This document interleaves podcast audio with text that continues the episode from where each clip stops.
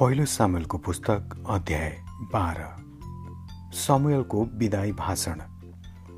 तब समयलले इजरायलका प्रजालाई भने तिमीहरूले मलाई मागे जस्तै मैले गरेँ। मैले तिमीहरूमाथि शासन गर्न एउटा राजा दिएको छु र तिमीहरूको अगुवाई गर्न तिनी तिमीहरूसित छन्। म बुढो भएँ र मेरो केस पाकिसक्यो। मेरा छोराहरू तिमीहरूसित छन्।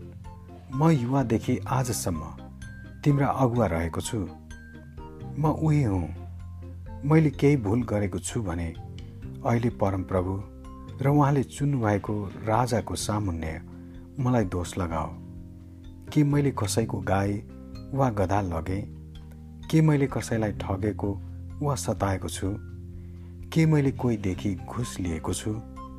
यदि मैले कुनै यस्तो काम गरेको छु भने मैले जे लिएको छु त्यो म फिर्ता दिनेछु। मानिसहरूले उत्तर दिए अह तपाईँले हामीलाई ठग्नु वा सताउनु भएको छैन। तपाईँले हामीबाट केही लैजानु भएको छैन। समयले उत्तर दिए तिमीहरूले मलाई पूर्ण रूपले निर्दोष पाएका छौ भने परमप्रभु र उहाँले चुन्नु भएको राजा आज साक्षी हुनुहुन्छ। हो परमप्रभु हाम्रा साक्षी हुनुहुन्छ। तिनीहरूले जवाफ दिए। सामुएलले अझै भन्दै गए मोसा र हारुनलाई चुन्ने र तिम्रा पुर्खाहरूलाई मिश्रबाट निकाली ल्याउनु हुने परमप्रभु हुनुहुन्छ।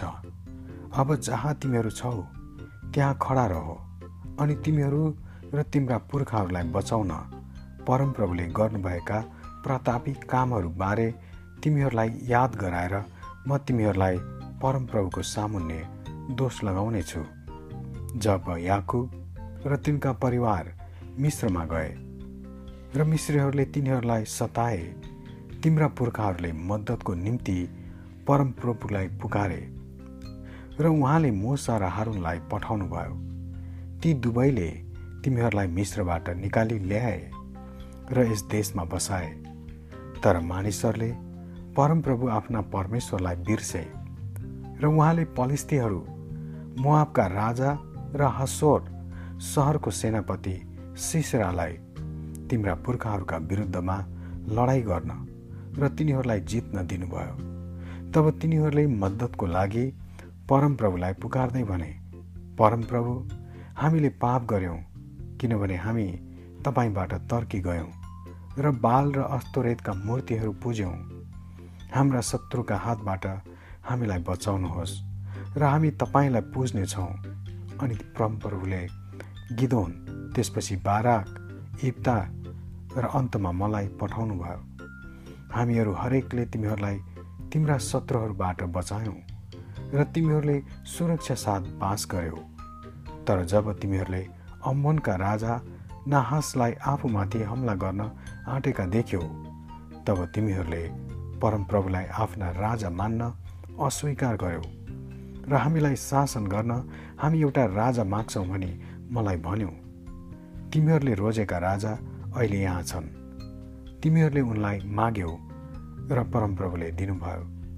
यदि तिमीहरूले परमप्रभु आफ्ना परमेश्वरलाई आदर गर्यौ उहाँको सेवा गर्यौ र वचन सुन्यौ आज्ञाहरू मान्यौ अनि तिमीहरू र तिम्रा राजाले उहाँलाई पछ्यायौ भने सबै कुरामा तिमीहरूको भलो हुनेछ।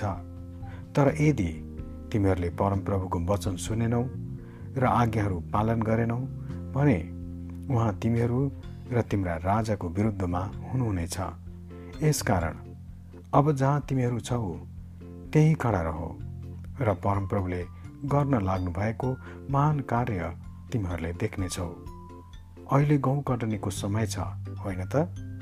तर म प्रार्थना गर्नेछु र परमप्रभुले मेघको गर्जन र वृष्टि पठाउनुहुनेछ जब त्यस्तो हुन्छ तब थाहा पाउनेछौ कि परमप्रभुलाई राजा माग्दा तिमीहरूले उहाँको विरुद्धमा कति ठुलो पाप गरेछौ।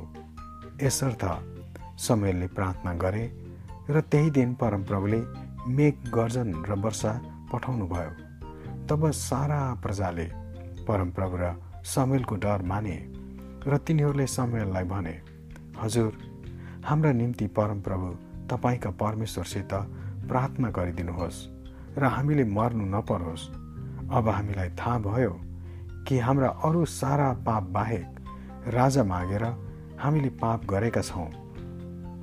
समूहले जवाफ दिए न डराओ तिमीहरूले यस्तो दुष्कर्म गरेका भए पनि परमप्रभुबाट तर्की नजाओ तर आफ्ना सम्पूर्ण हृदयले उहाँको सेवा गर जुटा देवी देवतातिर नलाग।